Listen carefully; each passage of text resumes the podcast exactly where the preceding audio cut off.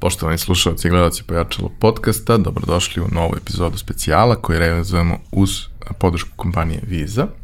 Kompanija Visa je pripremila uh, u prethodnih nekoliko meseci mnoštvo zanimljivih akcija i uh, mogućnosti za uh, njihove korisnike koje možete videti na uh, njihovom mikrosajtu koji se zove Platforma za podršku malom biznisu. Link možete naći u opisu ovog podcasta, bilo bi pitanje video ili audio i tamo možete naći neke razne zanimljive stvari kako da uh, se brže prilagodite e, digitalizaciji poslovanja, kako da digitalizujete online naplatu i slične stvari, kao i neke razne druge kreativne uh, bonuse i benefite koje, koje možete iskoristiti da svoj biznis prezentujete na bolji način.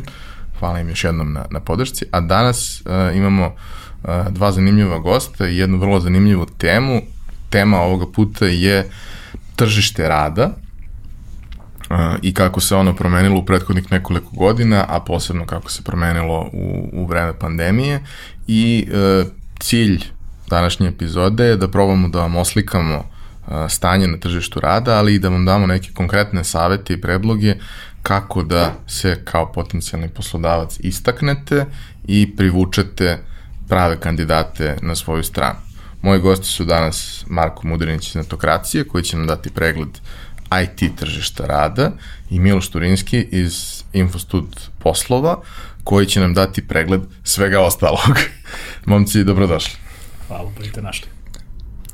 A, za početak, Miloše, pošto vi pokrivate najveći deo tržišta rada i iako se ljudi ne zapošljavaju samo uz pomoć Infostuda, to jeste postalo standard i u principu već je ušlo i u rečnik da se negde komunicira da je oglas za posao tamo i da tamo traži neko posao.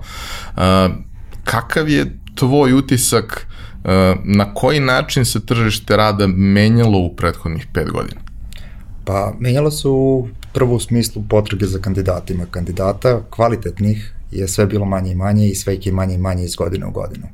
I svaki poslodavac je iz godine u godinu, kad tako pogledamo u sve većoj i većoj borbi, da privuče i pa onda kad ga privuče da zadrži kvalitetno kandidata. Znači, naše tržište se generalno razvijalo u svih ova poslednjih godina. Ako pogledamo samo na brojke, neke statističke podatke i broj oglasa i tržište rada nam se širilo i raslo je, dolazile su nove kompanije, kako najviše sa zapada, te tako je i potražnja bila veća, a sa druge strane, ono što sam rekao, kandidata je uvek manje. A, to je negde pretpostavljam značilo i da su kompanije morale da ulože dodatni napor da se istaknu i prevuku. Ok, neke su svakako bile u stanju da privuku kandidate samom činjenicom da dolaze i da ljudi prosto žele da rade tamo, vide sebe u toj priči, rezonuju dobro sa vrednostima brenda i tako dalje, ali to je mali broj kompanije, ne mogu mnogi da se oslone na tako nešto. A, kako je, ako gledam opet taj period od, od pet godina unazad, pa ćemo se posle baviti i samih samom koronom i ovim što se dešavalo u prethodnom periodu. A, kako se prosto menjalo to šta e, kompanije komuniciraju ka svojim potencijalnim kandidatima? Verujem da smo sazreli da ima dosta nekih konkretnih stvari koje se sada komuniciraju, a pre su bile prilično umagli i te stvari su ostavljene za razgovor i, i, i dogovore kada, kada kandidat već bude odabran. Pa upravo to sad što si rekao, neke kompanije su imale prepoznatljiv brand od samog starta i time su privlačile kandidate, a one koje nisu, su upravo krenule da komuniciraju one stvari što mogu da privuku ljude kod njih, a to je na, najviše ta interna kultura koju praktikuju, koje gaje i uslovi rada. Nije više dovoljan samo oglas za posao, e, imamo to i to raspisano, prijavi se kod nas, nego sve ono ostalo što se dešava unutar kompanije. Uh, prvo je, prvo reč zaposlenog i dan danas ima i bivšeg i sadašnjeg ima nekako najjaču vrednost. To je ono što se interno zapravo dešava. A nakon toga to krenete da komunicirate s polja. Šta zapravo se dešava u vašoj firmi, kakvi su međuljudski odnosi, šta su vaše mogućnosti, da li imate šansu možda da učite, da napredujete i slično. To su stvari koje su postale ljudima i tekako važne, a kompanije su to prepoznale, najviše što su uh, uh, gledale od druge kompanije koje su već donele tu kulturu negde sa zapada ili su već imale prepoznatljivu i krenule da primenjuju to. To je taj čuveni employer branding koji su krenuli svi da komuniciraju uh, ka spolja, ka kandidatima da bi ih i taj način privukli jednostavno kod sebe. Uh, to je i nešto što je, da kažemo, iz ovog drugog dela tržišta se na neki način preslikao, jer upravo u IT poslovima uh, već godinama firme moraju da se bore za kandidate i njihovu pažnju da ih privuku. Ok, sa jedne strane to se definitivno radi povećanjem plata i, i sličnim ovaj, metodama, benefitima i tako dalje, ali uh, nije to dovoljno, odnosno posebno kod onih koji, koje najviše želimo da imamo u svom timu, nije dovoljno samo velika plata, jer ti ljudi mogu bilo gde da dobiju veliku platu. Ono što ne mogu da dobiju je uh, okruženje i tim sa kojim zapravo žele da radi. Uh, no, Marko, kako tebi deluje razvoj u prethodnih pet godina kada je u pitanju IT tržište poslova? Pa, pre svega, hvala ti na današnjem pozivu, super je tema i kao drago mi da mogu da, da diskutujem sa, sa ovom dvojicom danas na, na, na, na ovu temu. A, IT je negde možda i prva industrija u Srbiji koja se veoma brzo suočila sa nedostatkom nekog kvalifikovanog i kvalitetnog kadra, jel da? Iz tih nekih potreba je da kažem i nastao employer branding ili ti prevedeno na srpski brendiranje poslodavca, jer su prosto kompanije shvatile da ukoliko je potreba, ne znam, za 5000 kvalifikovanih radnika, na tržištu imamo samo 3, logično da će se kompanije međusobno nadmetati za tih 3000 profesionalaca, iako je situacija, da kažem, daleko, daleko ovaj, gora, makar kada su seniori ovaj, u pitanju.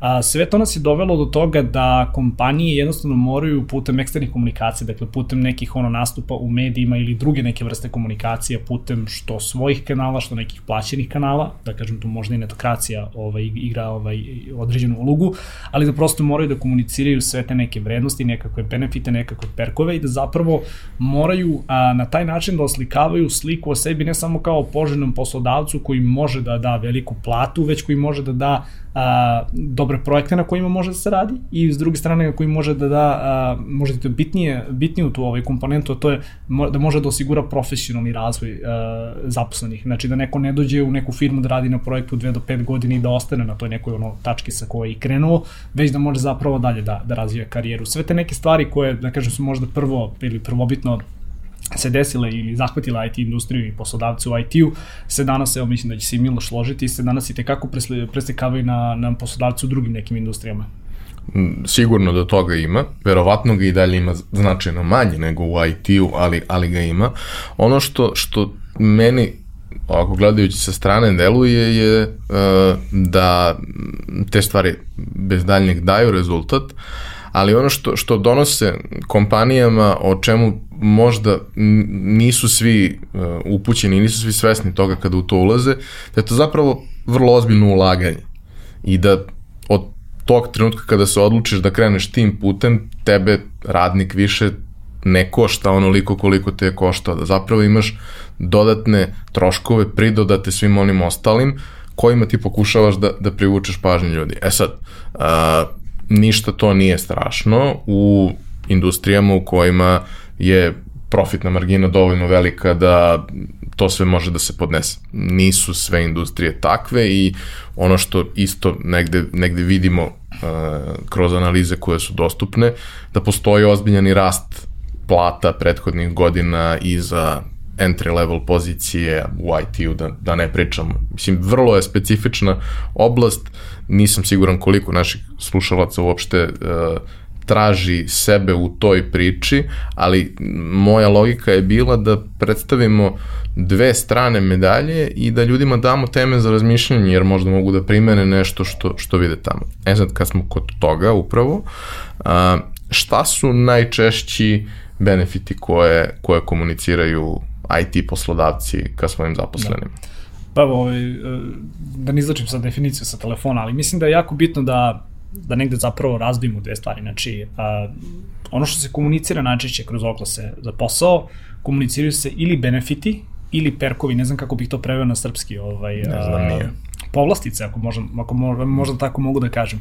Moramo da napravimo jasnu razliku između te dve stvari. Benefit s jedne strane, evo ja bih makar rekao neka, neka moja definicija, neko moje viđenje, jeste dobra plata, uh, odlično okruženje za profesionalni razvoj, uh, mogućnost fleksibilnog rada ili rada od kuće gde ne moraš uh, kao zaposleni da sediš od 9 do 5 u kancelariji, već poslodavac zapravo je svestan tvog vremena, tvojih nekih obaveza i daje ti tu mogućnost da budeš odgovoran prema projektu sam, ovaj, jel da? To je, na primjer, benefit. Uh, perk ili kako sam rekao malo čas, povlastice, jel da, i na primjer da imaš ručak na poslu, da, da imaš na primjer prijatno zdravstveno osiguranje, tako te neke, ovaj, da kažem, sitnije stvari. Znači, te dve kategorije moramo prosto da, da, da, ovaj, da, da definišemo i da razdvojimo, ali to su uglavnom neke stvari koje, da kažemo, ovaj, ono, IT poslodavci uglavnom sada u poslednje vreme pokušavaju da komuniciraju s tim što se, da kažem, naravno, veći fokus stavlja na benefite, jer benefiti su zapravo ono što je teže ponuditi, ručak i polisu zdravstvenog osiguranja, verujem da svako može da, da, da ponudi, pa čak evo i u uslovima pandemije videli smo da se neke kompanije odlučuju da, na primjer, roditeljima sa malom decom organizuju nekakve Zoom sesije za klince, da roditelji, da kažem, mogu da, na primjer, ovaj, ono, budu pro, produktivni za, za, za vreme tog nekog rada od kuće, čak smo ono, čuli mada to nije potvrđena informacija, ali verujem da, na primjer, kada je makar evo, domaća IT e, scena u pitanju, da su neke kompanije zapravo ovaj, hteli da obezbede i da su obezbeđivale ovaj, dadilje i da kažem takve neke ovaj, stvari za, za vreme korone. Um, benefiti uglavnom se dakle vezuju za ono što se negde možda i nužno vezuje za sam taj core business, znači za, za to šta zapravo neko dolazi da radi. I verujem da tu najviše se promenilo u poslednjih par godina što su jednostavno i same kompanije shvatile da više ne mogu samo da kažu, e, mi zapošljamo, već da moraju prosto kroz tu eksternu komunikaciju, kroz taj employer brand da predstave kulturu kompanije, ali i koliko god je to moguće i to je daleko lakše opet kompanijama koje kreiraju digitalne proizvode, dakle ne kompanijama koje se bave outsourcom, ali da ljude zainteresuju za sobstvene projekte tako što će pričati o njima. Eto, to je, to je nešto što bih rekao da, da se najviše promenilo, da s tim što postoji taj jedan moment da mnoge kompanije koje rade neke cool stvari ne znaju da pričaju o tome zbog NDA. Da, i njime, i njime je apsolutno najteže da zapošljavaju. Sa tim se ono, svakodnevno gotovo suočavam ovaj, uh, u poslu, poslu kojim se ja bavim. Onda gledamo kako možemo izakola da pričamo o tim stvarima, pa pričamo o tehnologijama. Uh, Miloše, kakva je situacija iz tvog ugla, odnosno iz tvoje vizure tržišta Kako to izgleda kod uh, klasičnih tradicionalnih poslodavaca? Kod ne IT-a. Pa veće kompanije pokušavaju da preslikuju. IT je definitivno uh, oblast koja je donela neke trendove i koja diktira neke trendove u plasiranju što beneficija, što kulture, što employer brandinga generalno samo po sebi, pošto jeste uh, oblast koja ima najveći deficit i najviše privlače generalno kandidate i sve velike firme koje imaju finansijsku mogućnost pokušavaju da primene što više tih stvari. E sada, nekima je lakše da uzmu privatno zdravstveno osiguranje uh, ili da vam omoguće rad od kuće potpuno, nekima jednostavno nije, pa gledaju to da sprovedu kao imamo stoni futbal, imamo PlayStation, koje generalno nekad je davno to možda i bilo zanimljivo, više nije maltene nikom. Uh, neke bitnije stvari se sada cene. Kao što je malo pre smo rekli, na primjer, taj odnos između privatnog i poslovnog, odnosno da možete da napravite taj balans, to je to što da možete deo nedelje da radite od kuće, a deo nedelje iz kancelarije ili iz nekog prostora, znači da vas niko ne ograničava. To je ono što se ceni što velike kompanije pokušavaju da preslikaju. Male već imaju problem financijski generalno sa tim da mogu sve to da preslikaju i da mogu da prate te trendove. I onda pokušavaju na neke druge načine kao što su plata, pa da budu konkurentni, na primjer, u visini zarade. Uh, ono što se meni negde e, čini kada pričamo na ove teme je da nedovoljno često poslodavci zapravo pitaju svoje zaposlene šta oni žele i šta je njima važno, već pokušavaju da ono, gledajući šta rade drugi, iskopiraju nešto što im je zanimljivo za sebe. I pre par godina Uh, kada sam pričao recimo sa, sa, u, u Infostudu na, na onom događaju sa HR-ovima u oblasti IT-a, ono što sam primetio, ok, to je bilo vreme kada u suštini nisu baš sve firme imale profesionalni HR, nego su to radili neki drugi, pa kažemo, segmenti firme u okviru uh, svog posla kao dodatnu stavku koju, koju treba da ispune. Ali ono što sam tad primetio i nadam se da sam makar malo u tom razgovoru uspeo da pomerim stvari, je da oni zapravo uopšte nisu imali svest o tome šta je njihovim zaposlenima bitno, odnosno šta oni vole, odnosno na, na čemu su im fokusi, nego su pokušavali da urade stvari koje izgledaju cool. Kao kad marketinška agencija pravi kampanju da bi dobila nagradu, a ne da kampanja nečemu služi. Sad, okej, okay, ima klijenata kojima je važno da dobiju nagradu i ništa drugo nije važno, ali ovde pričamo o nekim prilično suštinskim stvarima za taj biznis i vrlo često te opcije koje, koje nudiš svojim zaposlenima, ako to nije nešto što njih zanima, neće imati nikakvog efekta. A ako ih pitaš i ako aktivno komuniciraš sa, sa njima o tome i ono, sprovodiš ankete i slične stvari, makar na tom nivou ovaj, pratiš stanje, onda možda možeš na neki način da se adaptiraš celoj situaciji. Koliko je to uobičajena praksa, barem kod IT-evaca, kod kojih ima mnogo mailova, pa još jedan sa anketom ne deluje kao problem. A, koliko uopšte ljudi pitaju svoje zaposlene šta žele i reaguju na to. Pa naš šta HR-ovi i generalno, ajde da kažem to neko kao ono istoreno marketinško odeljenje koje, koje se bavi employer brandingom, znači to je neki miks ono, komunikacija, HR-a i, i marketinga, znači ajde da kažem, ono imaš sad firme koje su poslednjih par godina uzeli da, da kreiraju svoje kao ono employer branding odeljenja koje može da bude jedna osoba, ali opet to je bolje nego da daš nekome ovaj ko prosto nije upoznat sa sa svim aspektima takve komunikacije da se da se time bavi. A, slušam te pažljivo i kao jedan na jedan si preslikao situaciju kada uzmeš bilo kog programera, mislim ne mogu sad da kažem baš bilo kog programera da ne bude uvredljivo, ali kada uzmeš a, profesionalca u oblasti developmenta i da ga pitaš da li ti znaš čime se bavi HR u tvojoj firmi. Većina ljudi neće znati čime se HR bavi.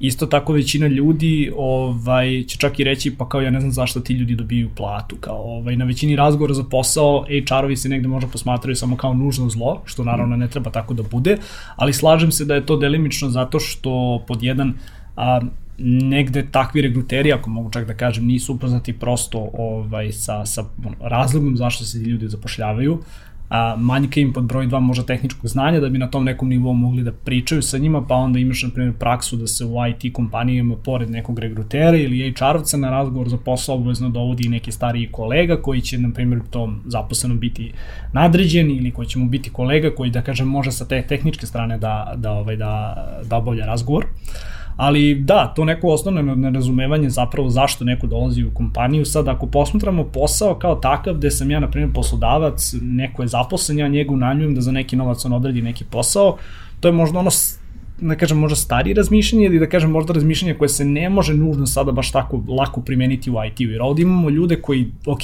doći će i odradit će posao, ali danas zbog tržišta i da kažem svih nekih stvari koje su se desile u proteklih 5 ili 10 godina, a, a skok plata je samo da kažem jedna od tih nekih stvari, ljudi žele da vide sebe u toj firmi kao ono, među stanicu u tom nekom profesionalnom razvoju, žele zapravo da imaju priliku da rade na nekim interesantnim projektima i to nije više samo da ja sam poslodavac, ja imam novac, želim nekoga da platim, već ja moram da gledam kako se ta osoba uklapa u moju kulturu kompanije, šta ja kao poslodavac mogu da ponudim toj osobi, jer kada nemaš dovoljno ljudi da se bave tim poslom, logično je da moraš da se ono doviješ na način kako da ukradeš nekog profesionalca konkurenciji i to je jedan od načina. I te stvari se prosto neminovno namenjuju iz dana u dan. Znaš kako su u jednom uh, HR-a ne znaju da postoje i gledaju ga kao nužno zlo koji samo selektuje i regrutuje u firmama. Upravo to. Uh, gde se HR ne bavi zaposlenima. U onim firmama gde si ti došao i gde vidiš da je poslodavcu stalo do tebe i da on brine o tvom napretku i o tvom zdravlju, psihičkom, fizičkom, uh,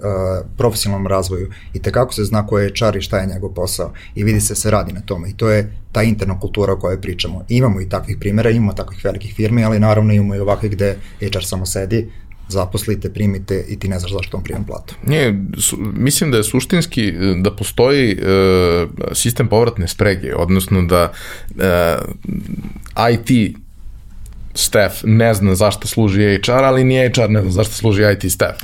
Pa upravo, onda... znaš, mislim, imaš, imaš jako, imaš, kao što sam rekao, imaš jako, jako mali broj ljudi ono, koji rade, da kažem, regrutovanje, koji zapravo imaju te tehničke sposobnosti i to znanje. HR-ovi koji, da kažem, imaju neki ono tehnički background, pa to je, no, they are dime a dozen, znači to je ono nešto što je vredno zlata, znači to se ne ispušta. Pa mislim, e, da imaju tehnički background i tehničko znanje, verovatno bi radili kao inženjeri. E, ima naravno razni, raznih slučajeva. Jedan od njih je upravo to da, da e, različiti segmenti firme sarađuju na rešavanju zajedničkog izazova ili problema, kako god to nazvali. Ja bih da. pre rekao problema, jer izazova. Da, Jak, jako me to uznemirava, ovaj, kad, kad ljudi zovu izazovima ovaj, probleme.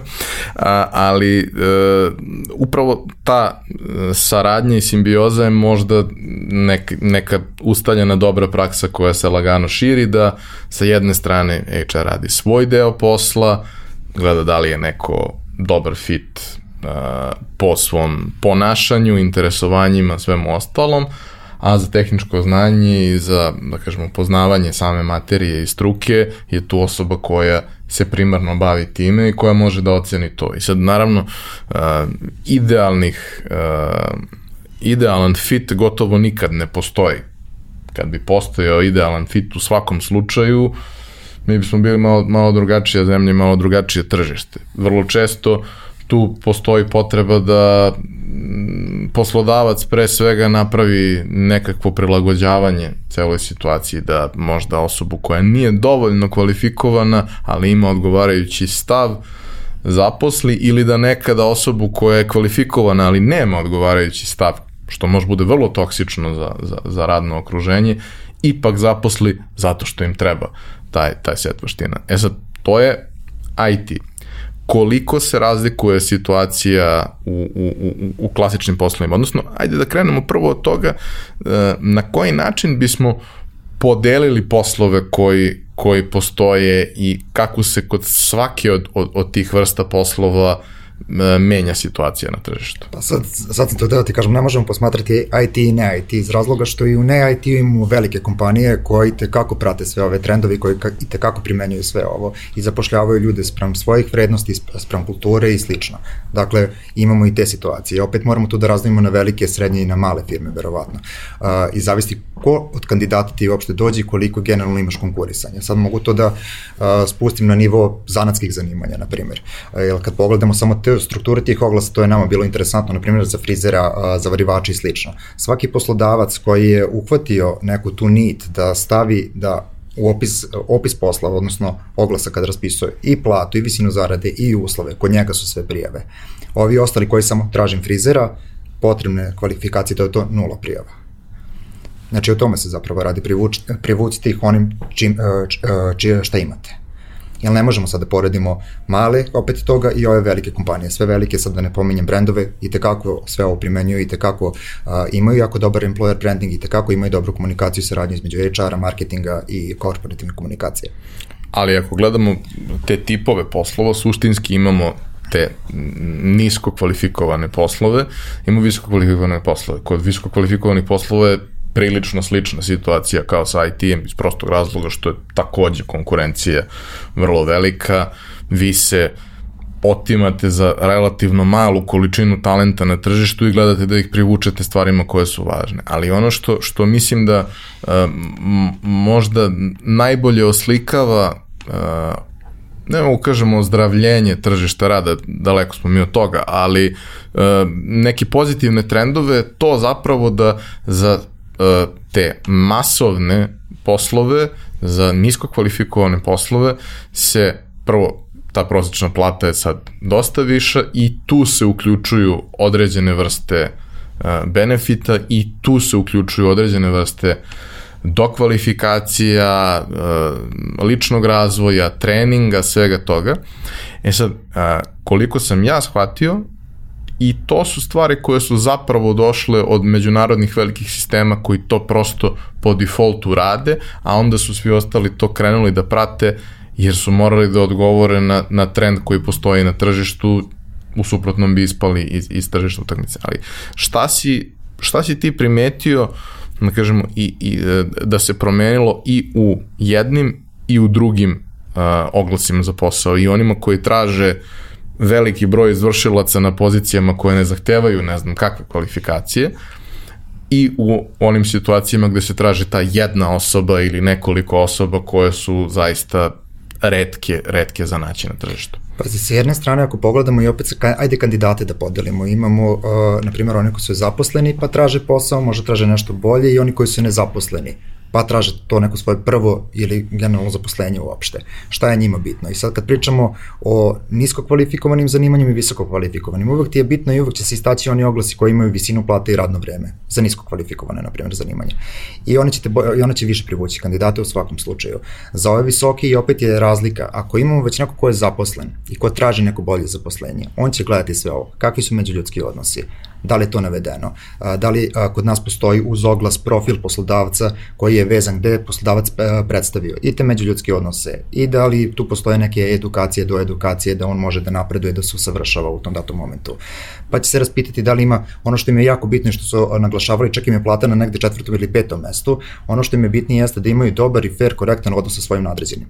Da nemaju ustručavanje sa tim da mu se obrate za bilo šta, da iznesu neko svoje mišljenje, nego da budu negde ravnopravni bez obzira na uh, to što im je on šef, a on, sa, on, on samo zaposleni. Tako da to su neke stvari koje se sad gledaju i opet kažem, tu zaposleni opet uh, više konkurišu za te poslove koji su lepo to predstavili, koji su lepše prišli kandidatima uh, kroz te profile, kroz neke marketinške akcije, spotove, kampanje i slično.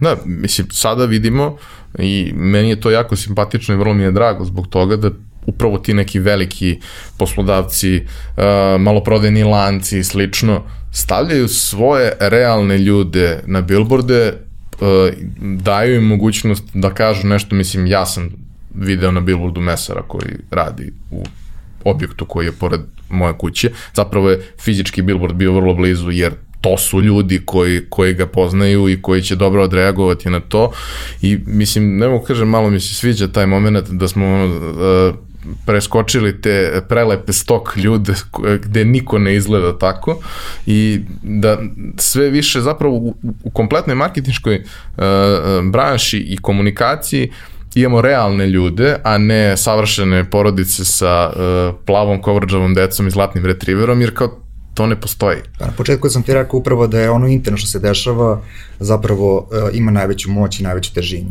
I ono što će ti reći zaposleni ili bivši zaposleni koji je otišao možda na neko bolje mesto ili uh, bolje mesto u smislu novog radnog mesta, o, uh, da to će ti imati veću težinu i uh, više, ćeš, više ćeš njemu tom čoveku verovati. Mi smo imali isto od jednog lanca kampanju baš tražili su se magacioneri koji su isto deficitarni, verovali ili ne, gde magacioner priča o uslovima, kako mu prolazi radni dan, šta su zapravo sve njegove obaveze i takvu kompanju su pustili da bi privukli nove kolege. To plus sve ono što prosto za, za, za takav tip posla i to što ljudi u direktnom kontaktu čuju od svog okruženja, prijatelja, prijatelja je uvek Tako važna je. stvar. Tako je uvek bilo i sa onim, znači ja znam dosta firmi koje su proglašavane za, znam dosta ljudi koji rade u firmama koje su proglašavane za najbolje poslodavce. I uh, ako su to neke veće firme, korporacije, tu ima mnogo timova. Nije svaki tim sjajan i to mnogo zavisi od osobe koja taj tim vodi i osobe koja je nadređena osobe koja vodi taj tim. Absolutno. Ali uvek se gleda neki prosek. Da, može da ti se desi da u sjajnoj firmi upadneš u loš tim, Može da se desi da se taj tim reorganizuje i rasformira vremenom ako su ljudi nezadovoljni a, ili pretvori u nešto drugo, ali e, ono, zakon velikih brojeva, ako pitaš 100 ljudi i 80 ti kaže da je tamo dobro, pa ok, 20% ljudi se možda prosto ne uklapa ili se ne slaže ti ima svoje razloge zašto je nezadovoljno. Ljudi imaju mnogo individualnih razloga koji suštinski često nemaju veze sa poslodavcima. Mislim, stalno kada pričamo o tome, posebno kod nas, postoji ta razlika između realnosti i očekivanja koje ljudi imaju. I ne mogu, vrlo često nemaju jasnu sliku gde se oni zapravo nalaze na, na tržištu. Misle da vrede mnogo više nego što vrede, kada to ne dobiju, oni su svakako nezadovoljni, bez obzira na to što oni rade zato što moraju, ali oni suštinski nisu zadovoljni time što se dešava.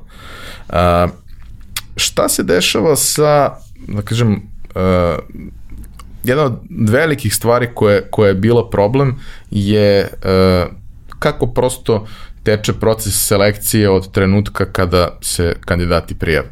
Vrlo često ima ogroman broj prijava, vrlo teško je te prijave sve procesirati, desi se da se propusti neki sjajan kandidat zbog ili nekog propusta u prijavi ili prosto uh, od hiljadu CV-eva jedan može prosto da zaluta na, na, na pogrešnu gomilu.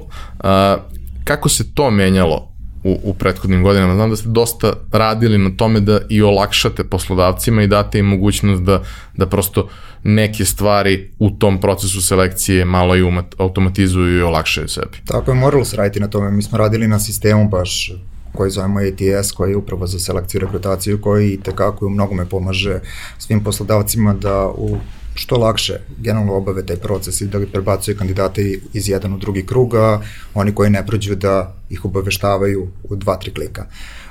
Čak smo i napravili ceo taj sistem za odgovaranje koji je upravo bio najveća boljka kandidata, jer mi na kraju svake godine uradimo istraživanje da pitamo sve one kandidate koji su konkurisali kod nekog poslodavca da ocene taj proces selekcije, rekrutacije u nekih pet tačaka.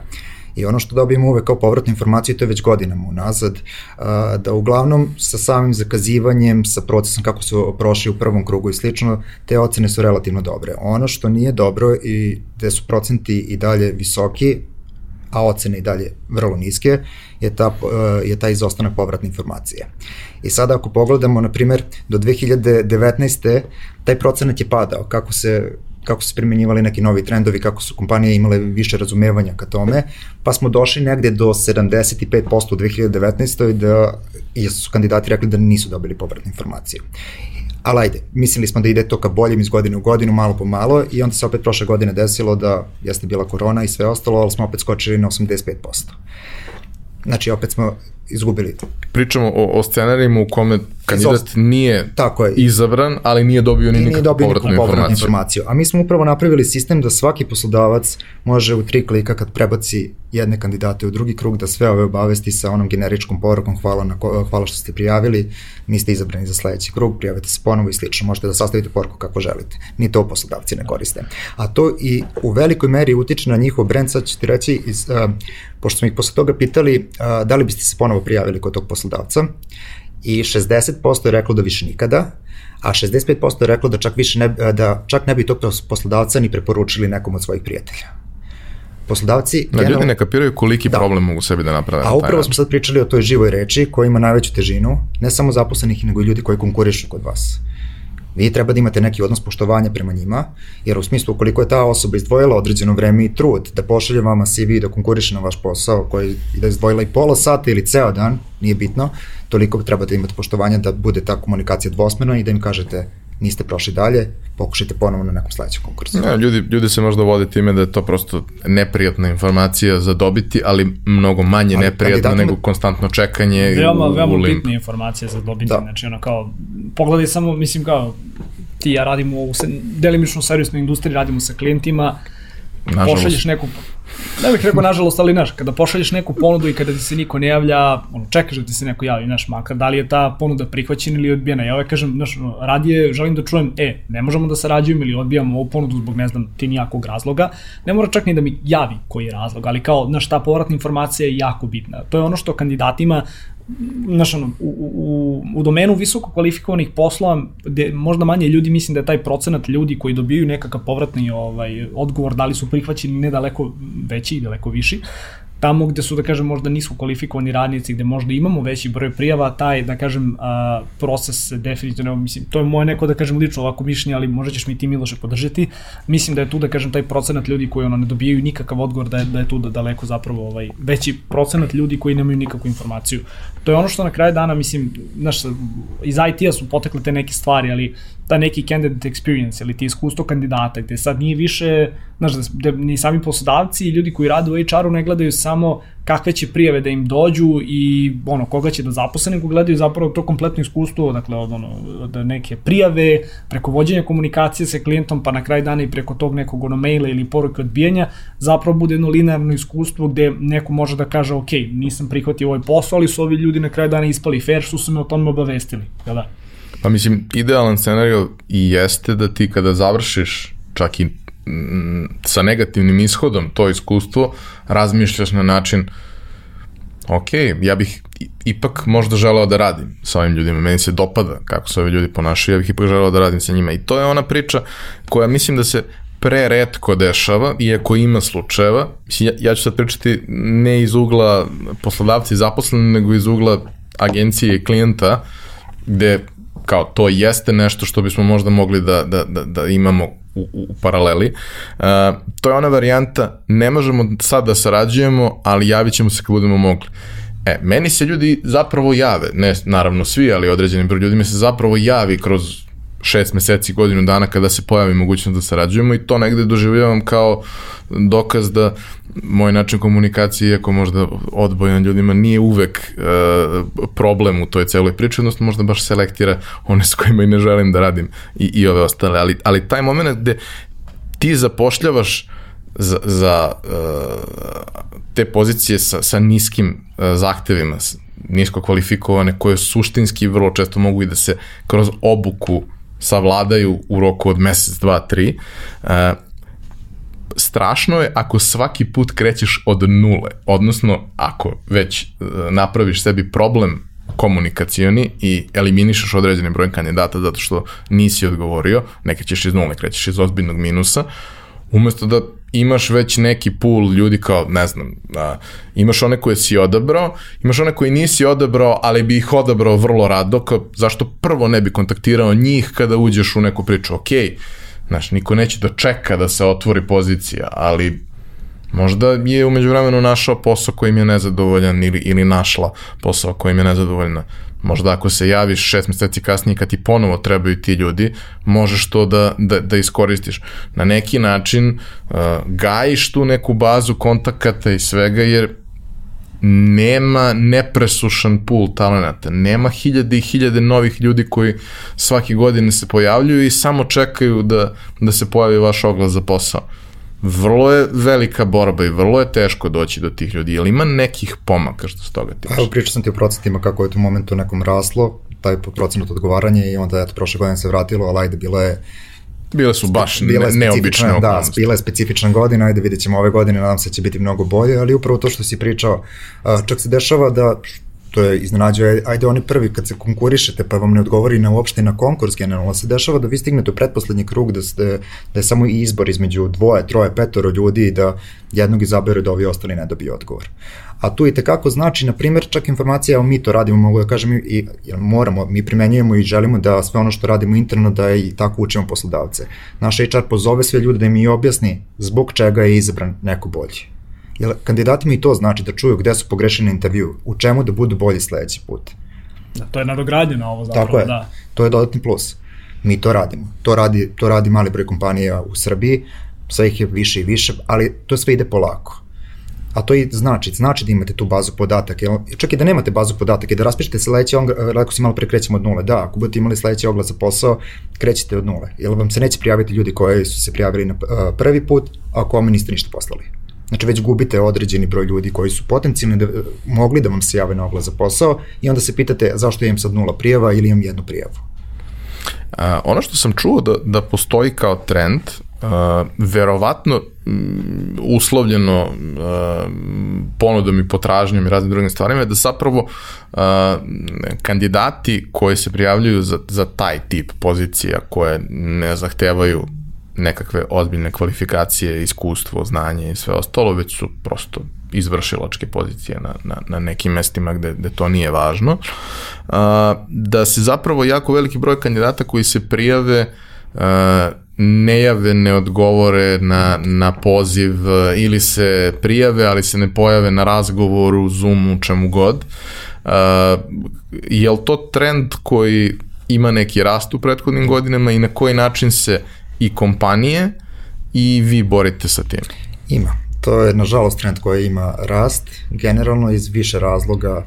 Čak se dešava da konkurišu na 100 oglasa za posao, pa čekaju ko će ih pozvati, pa kad ih pozovu zaborave generalno da su se opšte prijavili bilo gde i da imaju zakazan razgovor za posao. To je prvo, tu smo isto uveli sistem da ih obaveštavamo u tom razgovoru za posao, a sa druge strane, da se baš ono konkurisaću, pokušaću, uh, i onda dobiju poziv za posao i onda ipak ja neću kod tog poslodavca zato što sam čuo to i to, zato što znam to i to, uopšte jednostavnije mi je da se ne pojavim na tom razgovoru i da nikom ne javim, nemam obavezu generalno i to i urade. A e, to nema, to je to, to bostrano poštovanje, a poslodavac ima taj termin bukiran i čeka i to je njegovo vreme isto. Znači imamo, to je ta dvosmena komunikacija koja je je ovde jako značajna. Da. Nismo dobri da, sa obe strane. Da, nismo dobri sa obe strane, tačno. Ovaj, dešava se, ima mnogo razloga, ima mnogo razloga, ali kako što kažem, zaborave ljudi ili su generalno neodgovorni po tom pitanju, a sa druge strane ono što je značajnije jeste da konkurisali smo kod poslodavca u nadi da, eto, vide, to je bio jedan od oglasa, ali ja neću ipak kod tog poslodavca da radim. E, to je veći problem. Da. Daću, daću ti samo jedan jako smešan primjer. Moje kolege u Hrvatskoj su zapošljavale praktikanta, znači nekoga za novinarstvo, jel da, i to su uglavnom sada da kažem ono mlađi prosto kandidati. Koleginica moja Mija je ono kao napravila pool nekih ljudi koji su se prijavili preko dakle ono, naše platforme i kontaktirala ih putem maila gde je videla da četvoro, petoro mlađih ljudi ne odgovaraju na mail pošto je proaktivna sama ih je, da kažem, negde našla na društvenim mrežama, ono, poslala mi upit, da li preko Instagrama ili preko TikToka, što je ovako dosta, dosta možda i zabrinjavajuće, znaš tebi odgovor tih mladih ljudi? Ja, pa ja ne koristim e-mail.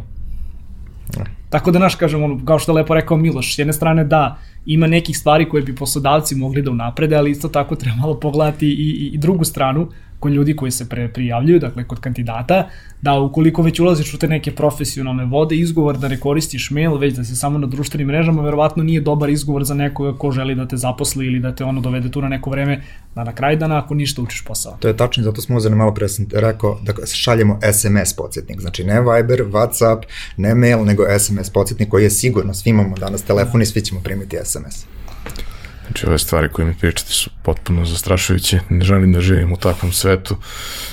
Mladi su baš postali napasti sa, sa, sa tim svojim trendovima kojima svi moraju da se, da se prilagode, ali da, upravo taj moment kao, ne ne kao pa, ono, na Instagram poruku ću odgovoriti odmah, a na mail ću odgovoriti posle tri dana.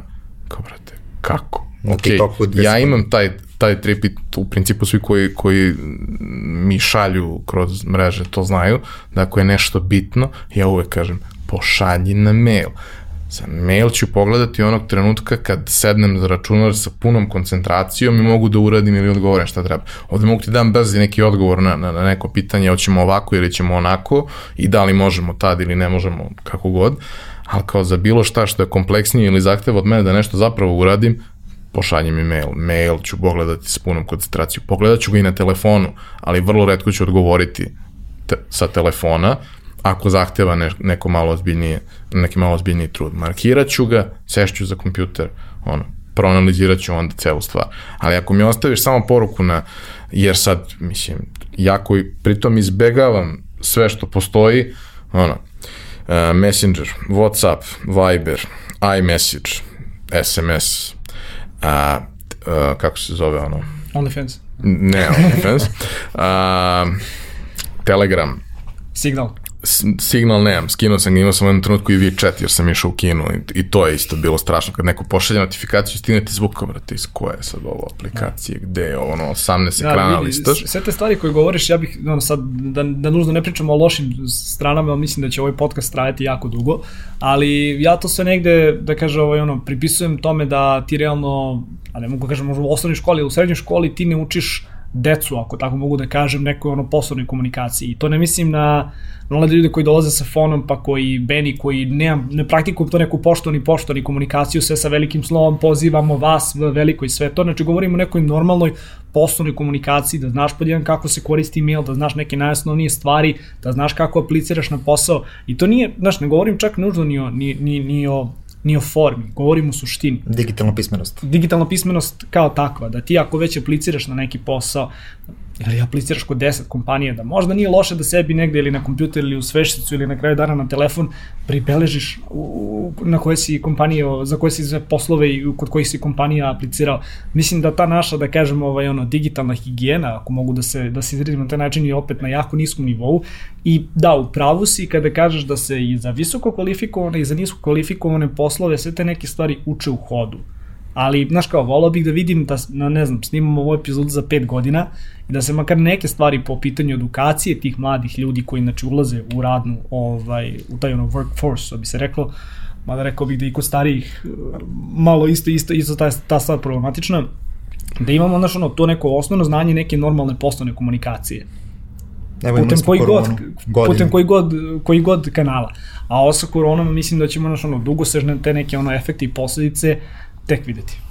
Ja se sjećam jednog momenta kad mi je uh, prijateljica rekla da uh, žena koja je radila kod nje više ne radi, otišla je na, na bolje plaćen posao, kao dobro, bolje koji bolje, bolje plaćen posao, ovaj, otišla je na poziciju kasira u jednom lancu koji je došao iz Njemačke i kao, kako misliš bolje plaćen posao? Pa kao, startna plata je 65.000 dinara.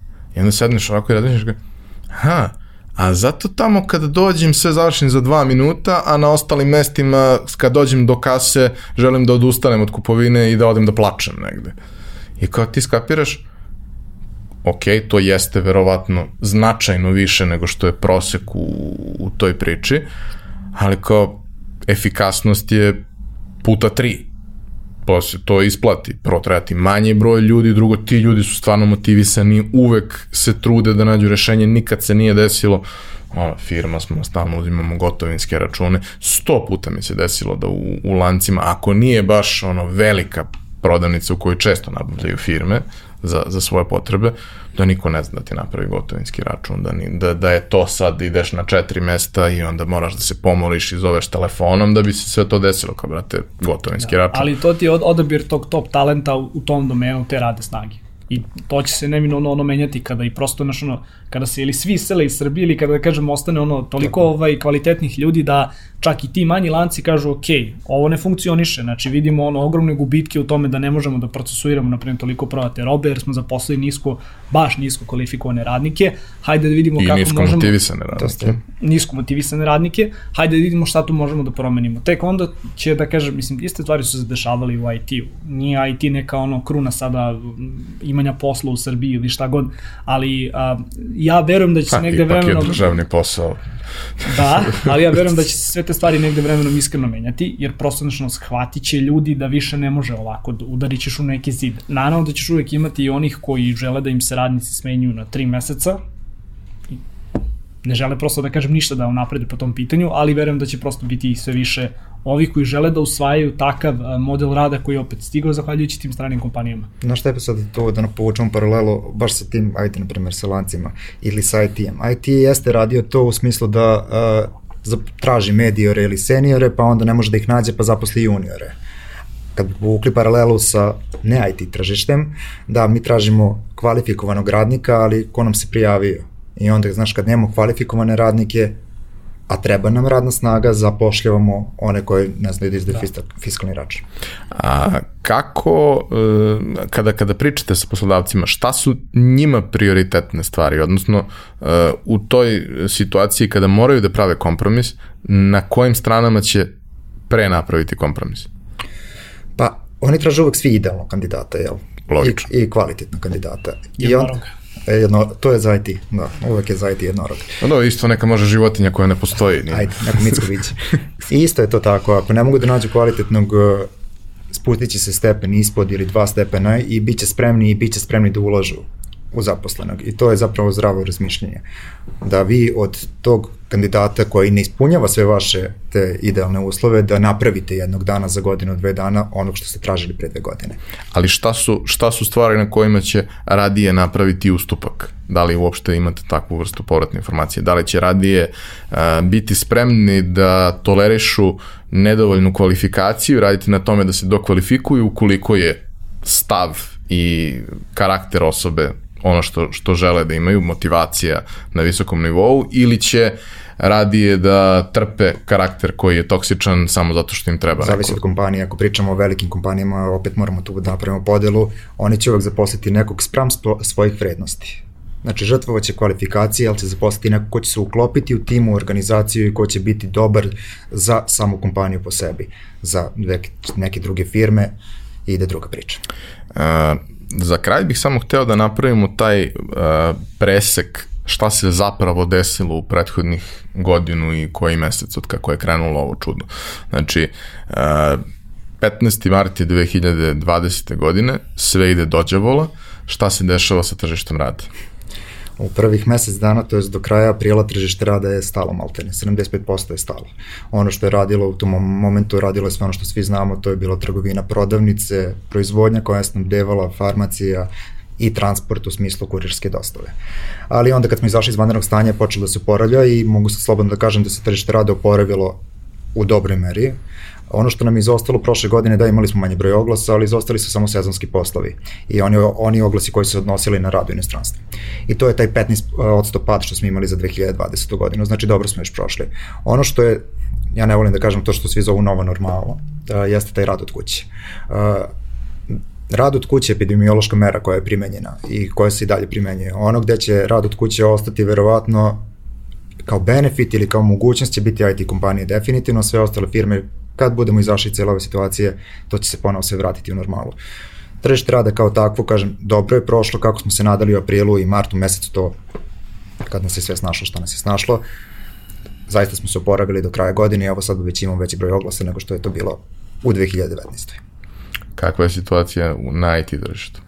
Pa da, vidi, prvih mesec e, dana ja, ja verujem, složio bih se sa Milošem i rekao bih da je gotovo sve stalo. A, mislim, da kažem, HR-ovi su čak u tom nekom ovaj, kontekstu bili upošljeni da, na primjer, pomožu ovaj, ljudima iz operacije ili ono kao people operations, treba razmestiti sve te ljude kući, dostaviti opremu, napraviti nekakav sistem podrške da ljudi koji rade od kuće mogu da se, da kažem, ovaj, ono, prebace na taj model rada. A, neke stvari, naravno do kraja godine se već to tržište ovaj, ono, normalizovalo, gledam na primjer i po pitanju usluga koje netokracija nudi, a to je da kažem jeste employer branding, taj sektor je nevjerovatno iskočio prošle godine, što nam stavlja do znanja da ono digital jeste porastao, firme koje se bave digitalom u Srbiji, znači ono IT firme, bilo da rade za klijente ili imaju svoje proizvode, jesu neminovno uzeli još više da zapošljavaju i to je lep trend rasta i kao to je sve super. Ono što će se najviše, to je ono što se promenilo i što će da kažem u narednim godinama nekako biti najučljivije jeste to da sad imamo jako velik broj a, firmi koje ili permanentno nude mogućnost rada znači od kuće, takozvane remote pozicije, ili firme koje sve češće sada razmišljaju da zaposlenima ponude takozvani ono, hibridni model rada ili fleksibilni model rada, gde zaposleni su upravo ti koji mogu da biraju da li žele da dolaze u kancelariju, 3, 4, 5 dana nedeljno, pa onda, na primjer, jedna nedelja da rade od kuće ili 2-3 dana da rade od kuće. Imali smo čak i neke kompanije koje su probale da eksperimentišu a, sa tim da, na primjer, jedna nedelja a, u mesec dana ima samo četiri radna dana, znači svi ti neki, da kažem, novi ono, formati, oblici rada, polako pronalaze svoj put i, i u Srbiji. Ono što, da kažem, deo gde se samo možda ne bih složio sa Milošem jeste da mislim da će i velike neke firme, dakle da opet govorimo o visoko kvalifikovanim radnicima, Dobre, da. verujem da će i one u Srbiji prosto morati koliko god uh, njihov management možda uh, ne bude ok sa, sa tom odlukom, verujem da će kao taj jedan od benefita, znači ne od povlastica, ali od benefita zapravo morati svojim zaposlenima da ponude tu mogućnost da ukoliko žele jedan ili dva dana nedeljno da rade od kuće, da mogu da rade od kuće. Verujem da, da kažem, a, ako govorimo o širokom tom nekom ono sektoru zapošljavanja, verujem da je to stvar koja će se možda najviše odraziti na budućnost a, posla kao takvog. Pa koliko god je godina bila nezgodna sama po sebi, u tom pogledu je bila i tekako zgodna, da su sve kompanije, upravo poslodavci mogli da testiraju sve to. Da i rad od kuće, pa pola pola, četiri radna dana, skraćeno radno vreme sve i mogli su da imaju neke vidljive rezultate, merljive rezultate zapravo. Ono što je definitivno jeste i kad smo ih pitali jednu i drugu stranu kako će situacija razvijeti kada sve ovo prođe, tu su bili složeni jeste da svima odgovara da to bude pola pola. Niti znači full rad od kuće, niti full rad iz kancelarije, nego pola pola, da je, to, je, to je ono malo pre isto što smo pričali, taj balans poslovnog i privatnog. To je svima na značaju, tako su se i odabrali za ovo. Ja, čini mi se gledajući sve to, da smo sa jedne strane svi shvatili šta sve može da se radi u takvom setupu i modelu, pa smo imali to da nepregledni call centri koji su bili u open space-ovima sada funkcionišu od kuće, da, non stop postoji, na 100 ljudi uvek neko ima problem sa internetom, ali to nije neki preterani problem, to se reši, to su stvari koje danas uvek mogu da se reši kroz nekakav kod nekakvu backup infrastrukturu koja će sasvim ok vršiti posao, a i za gomilu drugih stvari gde, gde kao suštinski cele firme, cele organizacije su u nekim slučajevima uspele da se prilagode tome. Naravno da neko ko e, proizvodi u specifičnim okolnostima, proizvodnom pogonu koji je takav kakav je, ne može da radi od kuće, zašto nema kuće takav isti proizvodni pogon, to, to bi mi inženjeri bi voleli da imamo. Magacioner će teško da radi od kuće, naravno. ovaj, dok ne bude bio jedan mali robot tamo ko, kojim on upravlja od kuće u VR-u i nije to sad važno. U Srbiji ne. Pa dobro, za, za jedno hiljadu godina imam ja vremena.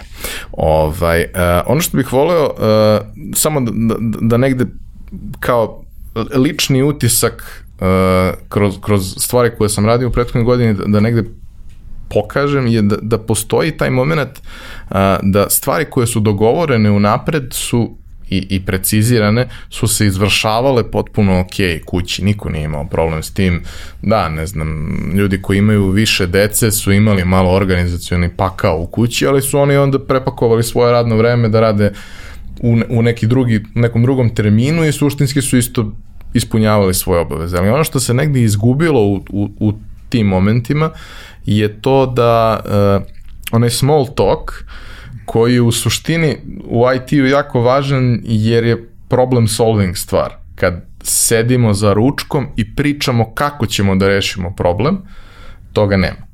I toga ne može da ima na Zoomu. Mislim, može, ali, ali ne može da ima toga na Zoomu i tih nekih lepih stvari nema u dovoljnoj meri i vrlo je teško to substituisati. Možda upravo zato ima smisla ta neka varijanta gde ćemo se povremeno viđati, pa ćemo povremeno moći da pričamo o tome, a ovo ostalo vreme će svako raditi ono što treba u uslovima kako njima najviše odgovara, u rasporedu koji im najviše odgovara. Znaš šta, to je samo jako bitno za zaposlene da ne ulete u taj začarani krug. A, naprimjer, ja kad sam krenuo da radim ovaj posao, ja sam bio remote. A, ja sam radio iz Beograda sa kolegama u Zagrebu, bilo da sam dolazio u kancelariju, neku svoju improvizovanu ili sam radio od kuće.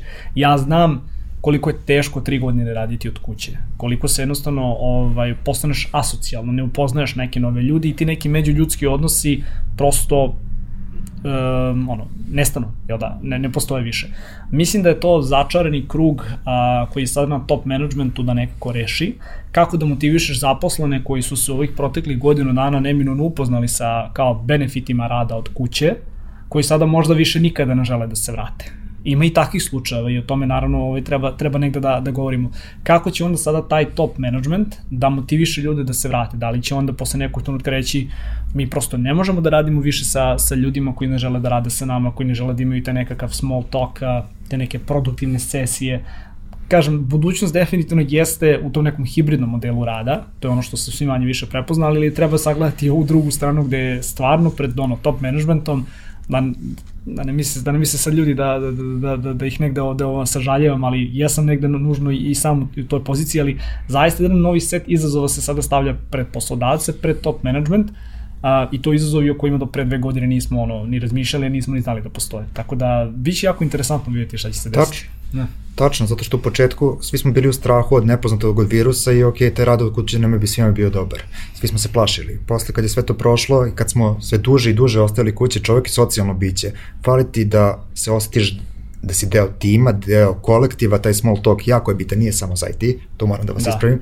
O, evo i kod nas i svuda, ja verujem da je tako. Čak i druženje da. posle posla, ono da odeš sa kolegama. Kafa, ručak, pivo, da. kafa, ručak, to šta ćeš u tom momentu se dogovoriti, možda nešto u, u hodu samo reći, to su jako bitne informacije, to je to ono što izostane. Ja sam rekao, ja molim Boga da, da instaliram Zoom kada ovo sve prođe i da mogu ovako da sedim sa ljudima i da pričam. Svi, svi, svi se nadamo da ćemo u nekom trenutku da deinstaliramo, naročito da ćemo kao da se, aj makar da se limitiramo da ima jedna aplikacija. Pre neki dan sam imao četiri kola, jedan za drugim, znači prvo Meet, onda Teams, onda Zoom i na kraju je bio Skype. Ja kao, jel možemo makar ovo na Skype-u da preskočimo? Kao, vrati, stvarno, stvarno mi je frka od, od Skype.